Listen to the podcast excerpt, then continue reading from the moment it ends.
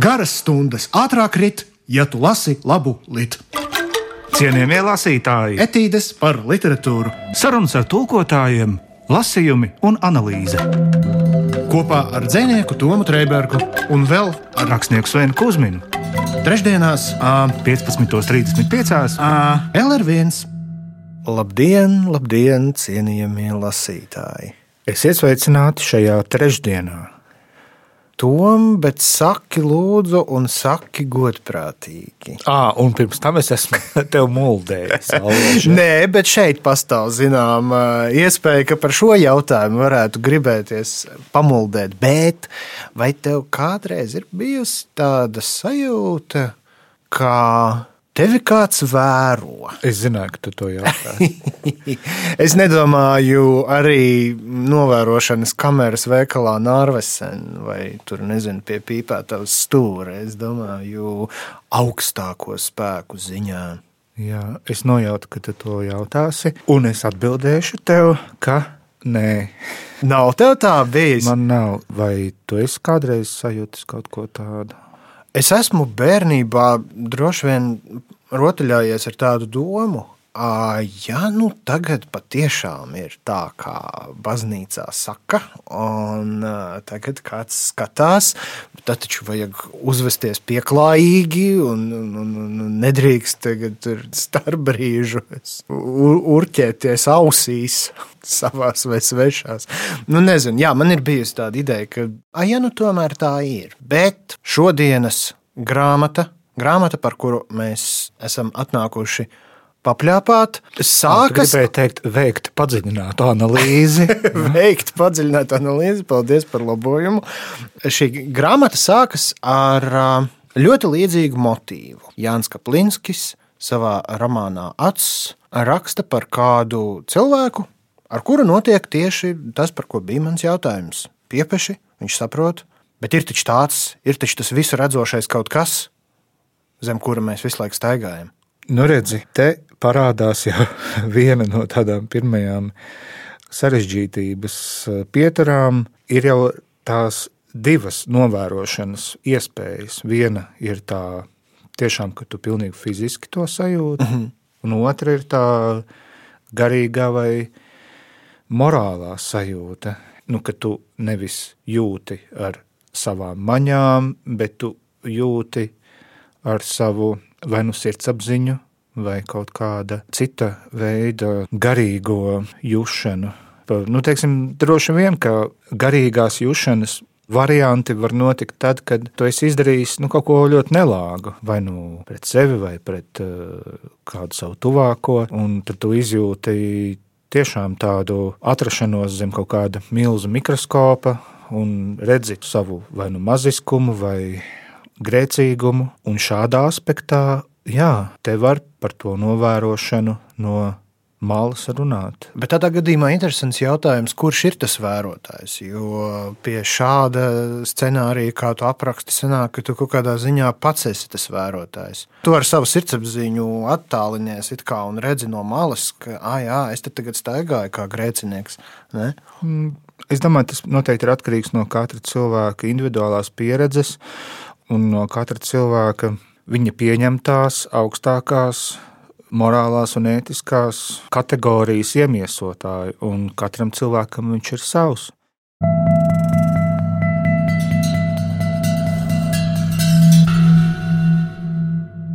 Igauņu rakstnieks Jānis Kaplinskis ir arī dzēnieks.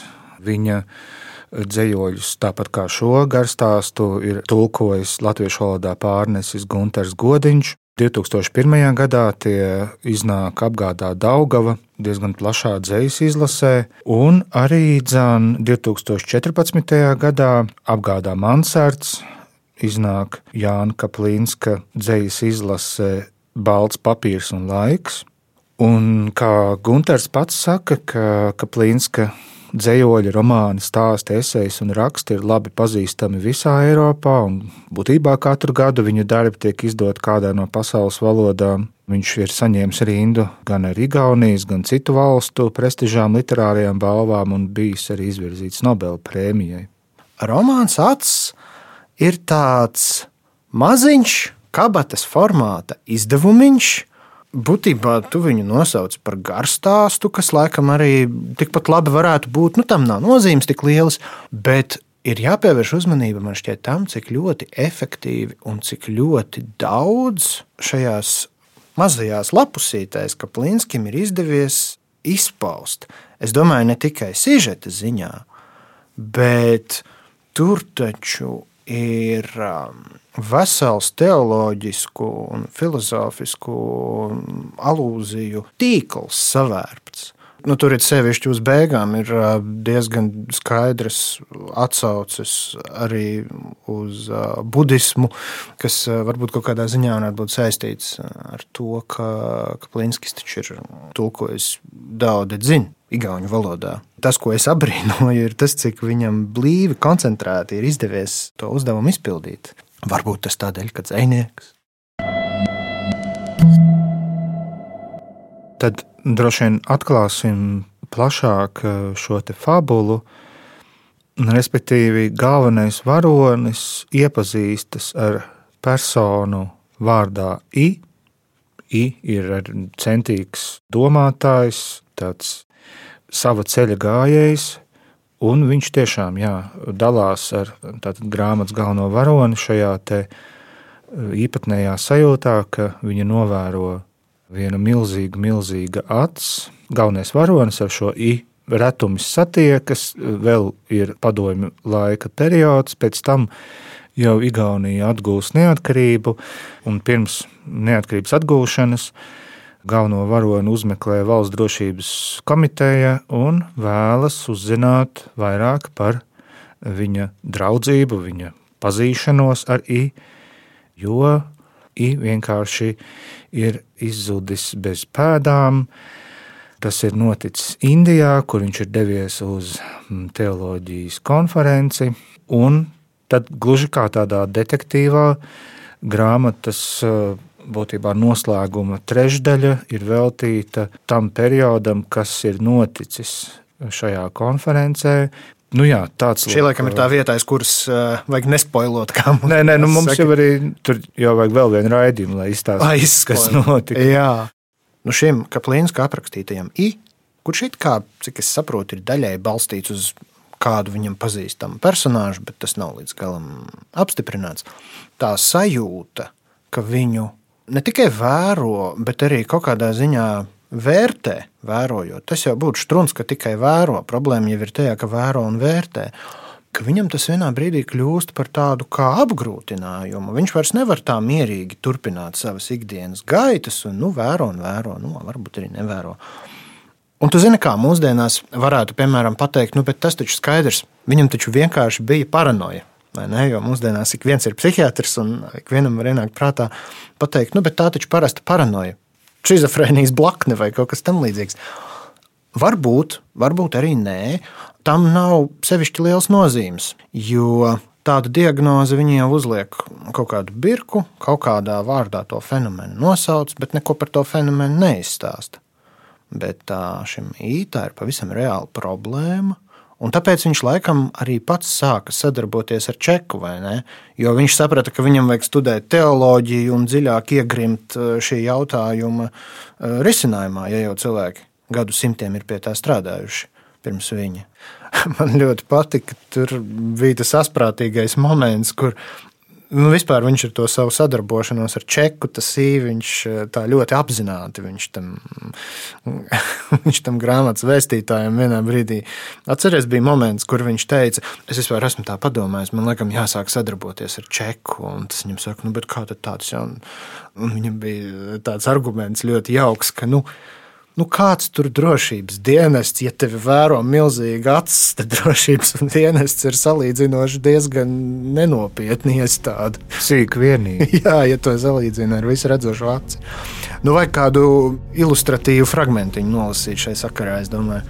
Jā, tas gan.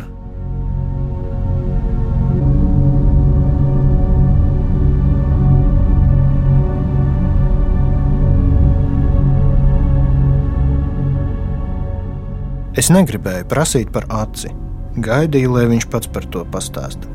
Tā arī notika. ilgi skatījies man virsū, teica, ka zina, ko es gribu jautāt, bet par to nav nekādas jēgas runāt. Vai es par gnostiķiem kaut ko zinot? Nācās apliecināt, ka ļoti maz. Viņš teica, ka pašlaik nodarbojas ar tiem. Eģiptē 40. gados tika atrasts liels daudzums gnostiķu papirusu, un pasaulē tagad notiek to lasīšana un tulkošana. Viņš ir sācis mācīties koptu valodu un klusi cer, ka varbūt pavērsies iespēja tieši šajā jomā doties uz ārzemēm papildināties. Ko viņš atradis pie gnostiķiem? Īpar viņiem centās nolasīt aizraujošu lekciju, ko man grūti šeit apkopot. Pamatdoma bija tāda, ka gnostiķi nestāstīja par ebreju dievu Jahve. Bija arī tādi, kas uzskatīja Jahvi par sliktu dievu, Luciferam līdzīgu eņģeli, kas savā augstprātībā vēlas atdarināt īsto dievu, rada pasauli un sāk to pārvaldīt. Nedara to pēc labā valdītāja ieražas, bet gan kā untumains un paranoisks diktators, kas paaugstina vienus, ved kārdināšanā un pazemo citus. Gnostiķi dabīgi ticēja Jahvis esamībai, Jahve ar savu greizsirdīgo un ilgstošo naidu viņiem bija problēma. Gnostiķi uzskatīja, ka eksistē arī īstais dievs, par Jahvi neizmērojami tālāks un augstāks, kas nav mūsu aizmirsis, kas zina, ka mēs mokāmies šeit, nožēlojamajā pasaulē, zem ļaunā dieva patvaļas. Kāds arī ticēja, ka tas pats īstais dievs ir te, pasaulē, atsūtījis savu vārdu. Citādi sakot, savu dēlu sludināt mums prieka vēsti, to, ka mūs nav aizmirsis, un mēs tiksim no šejienes atpestīti. Gnostiķiem pasaule bija sliktā vieta, vairāk vai mazāk tāda pati kā elle, un atpestīšana viņiem nozīmēja glābiņu no šīs pasaules, kam ļaunais Jahve bija radīts. Bet cilvēks nebija Jahvis radīts. Cilvēka dvēsele bija cēlusies no augstākas debesis. Tā bija no turienes vai nu nokritusi, vai pat nolaupīta.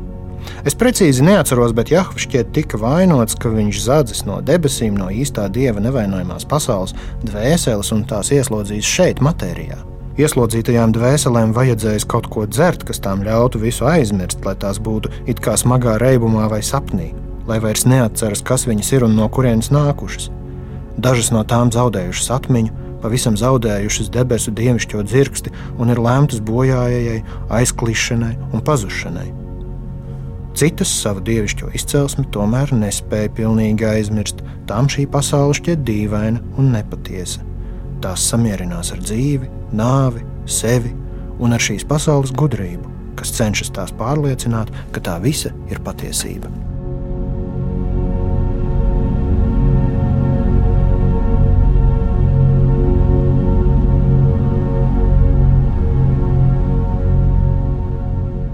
Cienījamie lasītāji, šodien mēs ar Jāna Kaplīnska palīdzību spriežam par ļoti augstām tēmām, un vienlaikus arī tādām, kuras caurstrāvo mūsu zemes dzīvi, proti par ticību un ticības objektu.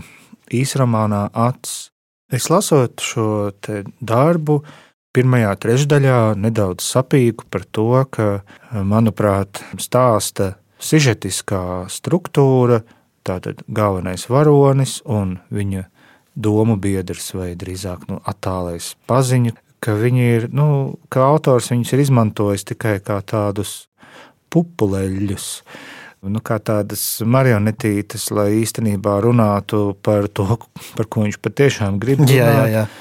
Tātad veidojot arī, protams, atsauci uz antīkajiem dialogiem, Nu jā, un tad es nedaudz sapīku par to, jo man likās, nu, tad, nu, varbūt nevajadzēja vienkārši tur ķēpāties ar tiem tēliem nu, uzreiz, nu, tad rakstīt tur par Jahvi vai par gnostiķiem, nu, par visām tām tēmām, nu, vienkārši tādu traktātu.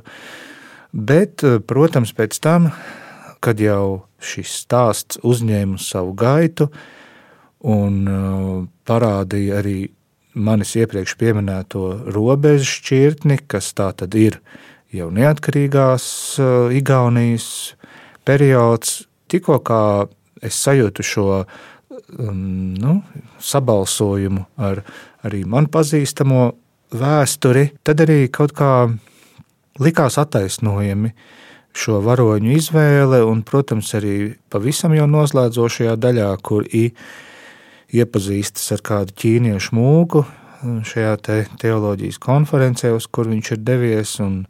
Viss kulminē ļoti intensīvā, Jā, jā. reliģiskā, mistiskā pieredzē. Tā Jā, teiksim. tieši tā reliģiskā un mistiskā pieredze. Nu Jā, tad jau it kā likās, ok, nu, tad arī bija jēga varbūt sākotnēji veikt šo te, nu, tādu stilistiski ļoti cieto struktūru. Mm. Man likās, ka es mazliet no iekšpuses uztveru to īstenību pieredzi. Gan kā meklētājam, kā neofitam, gan kā cilvēkam, kas patiešām pie tās mistiskās pieredzes beigu beigās tiek. Bet tā drīzāk ir nejaušība, ka viņš nonāk pie šīs mistiskās pieredzes. Tā Nu, ir jā, un nē. Jo tas vecais ķīnietis jau redz, ka viņš ir meklējumos.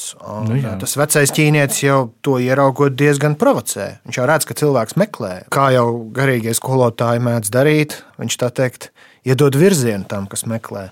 Nu, no tāda Nu, tādā ziņā, jā. Bet tas Kaplīnskis, jā, tas Kaplīnskis, viņš gudrs. Tāpēc, ka tu pamanīji, eh, ka viņš, eh, viņš nesāk ar visām šīm lietām. Viņš nebliež uzreiz ar eh, visām šīm lielajām koncepcijām. Viņš sāk ar kaut ko ļoti, ļoti maziņu, ļoti, ļoti sadzīvisku, ar braukšanu Gruzavikā uz kolhozu. Jā, jā uz ko, kopdarba Jā. tālku. Jā, tur arī galvenais varonis ar iepazīst. Jā. Un Pēc tam jau tas viss tiešām apmet tādu grandiozu kūleni un nonāk tur, kur tas nonāk.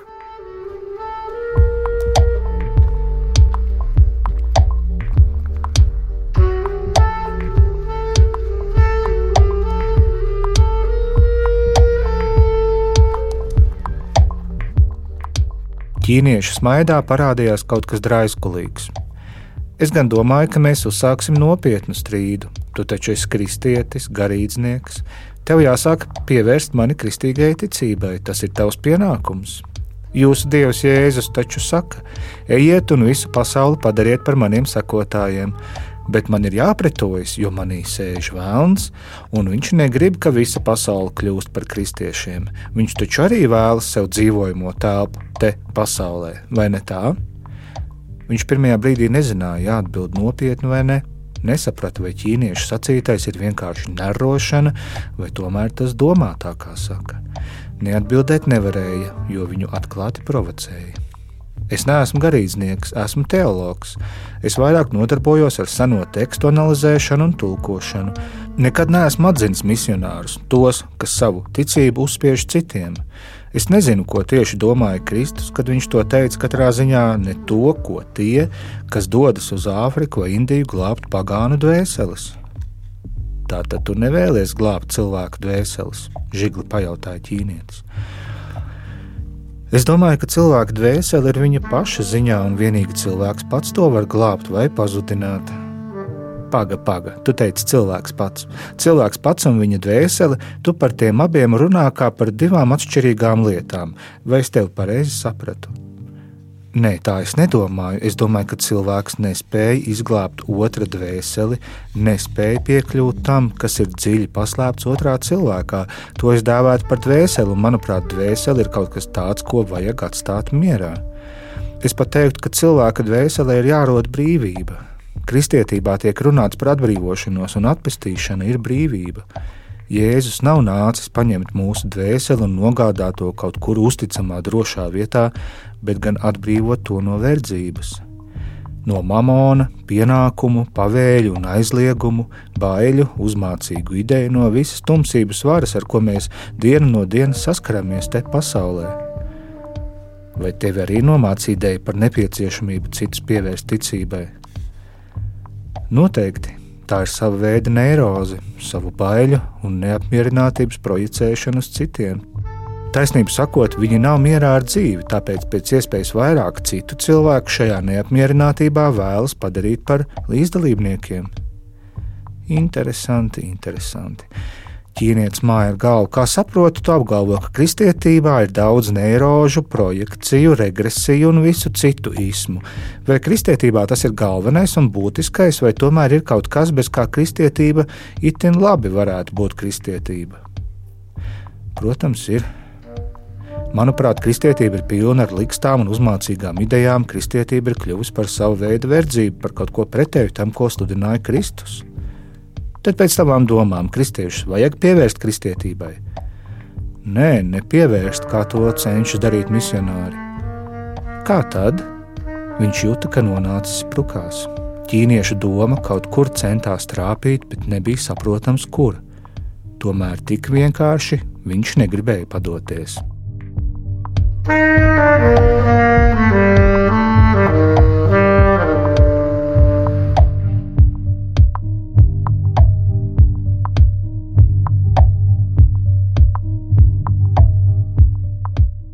Jūs klausāties raidījumu Reliģija un mēs. Jūs neklausāties šādu raidījumu, jūs klausāties raidījumu cienījamie lasītāji, etīdes par literatūru, Jāna Kaplīnska, romāns Acis. Jā, man liekas, ka viena tāda interesanta atslēgas frāze, kas tiek pieminēta, ir par to, ka tu tici daudz vairāk lietu izskaidrojumam nekā pašām lietām. Tomēr skaidrojumi ir vēl mazāk patiesi nekā lietas. Un tas, manuprāt, ir tāds labs piemērs par to dualitāti, kas šajā romānā tiek iezīmēta, ka gan galvenais varonis sākotnēji, gan pēc tam arī I. Viņi abi tomēr to ceļu uzsāk caur lietu izskaidrojumu, mm -hmm. un I nešaubīgi nokļūst tālāk.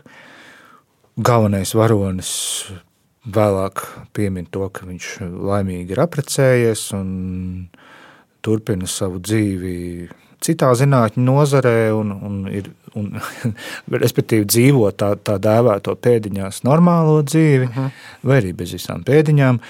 Bet sākuma punkts abiem ir viens. Viņi vispirms sāk ar lietu izskaidrojumu, un, un tikai viens no viņiem nokļūst pie tās pašas lietas ar lielo sākuma burtu.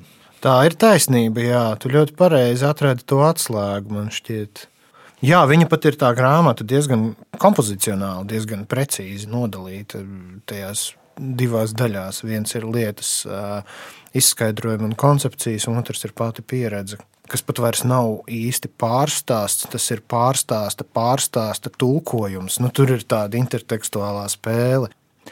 Nu, lūk, cienījamie lasītāji, šāds mūsu ieskats Jāna Kaplīnska īsromānā Acis patiešām gluži tā kā ieietu bibliotēkā tikai vienas grāmatas ietvaros. Jā, kaut kā tā. Man Gunārs pastāstīja, ka, ka Plinska pirmo dzīslu krājumu esot uh, padomju laikā vēl uh, neizdevuši, pamatojoties uz to, ka tas esot pārāk intelektuāls. Nevis tur ideoloģiski neatbilstīgs, bet nu, vienkārši pārāk intelektuāls. Ai, nu, neviens taču nesapratīs. Neviens taču nesapratīs. Viņiem tāpat kolhozā kartupeļi jāvāc. Redz, ka kartupeļus vācot, tomēr sākās šis stāsts. Sāk ar kartupeļiem nokļūst transcendencē. Tie ir tā neko, jā. Cienījamie lasītāji, esiet uzmanīgi ar kartupeļiem un transcendenci. Bet lai labi aug. Un nākamajā nedēļā mēs transcendence? Arī tā. Skatīsimies, kādu grāmatu atradīsim līdziniekos Jāna Kaplīnska uzstādījumam. Kur šis ceļš aizvedīs mūs? Vai pie kartupeļiem, vai pie transcendences? Visu labi. Varbūt pa vidu kaut kur. Vispār varētu, jā. Kāpēc obligāti jāiet galējībās? Garas stundas ātrāk rit, ja tu lasi labu litu. Cienījamie lasītāji, etīdes par literatūru, sarunas ar tulkotājiem, lasījumi un analīze kopā ar dzinieku Tomu Trēbergu un vēl ar rakstnieku Svenu Kusminu. Trešdienās, 15.35. LR1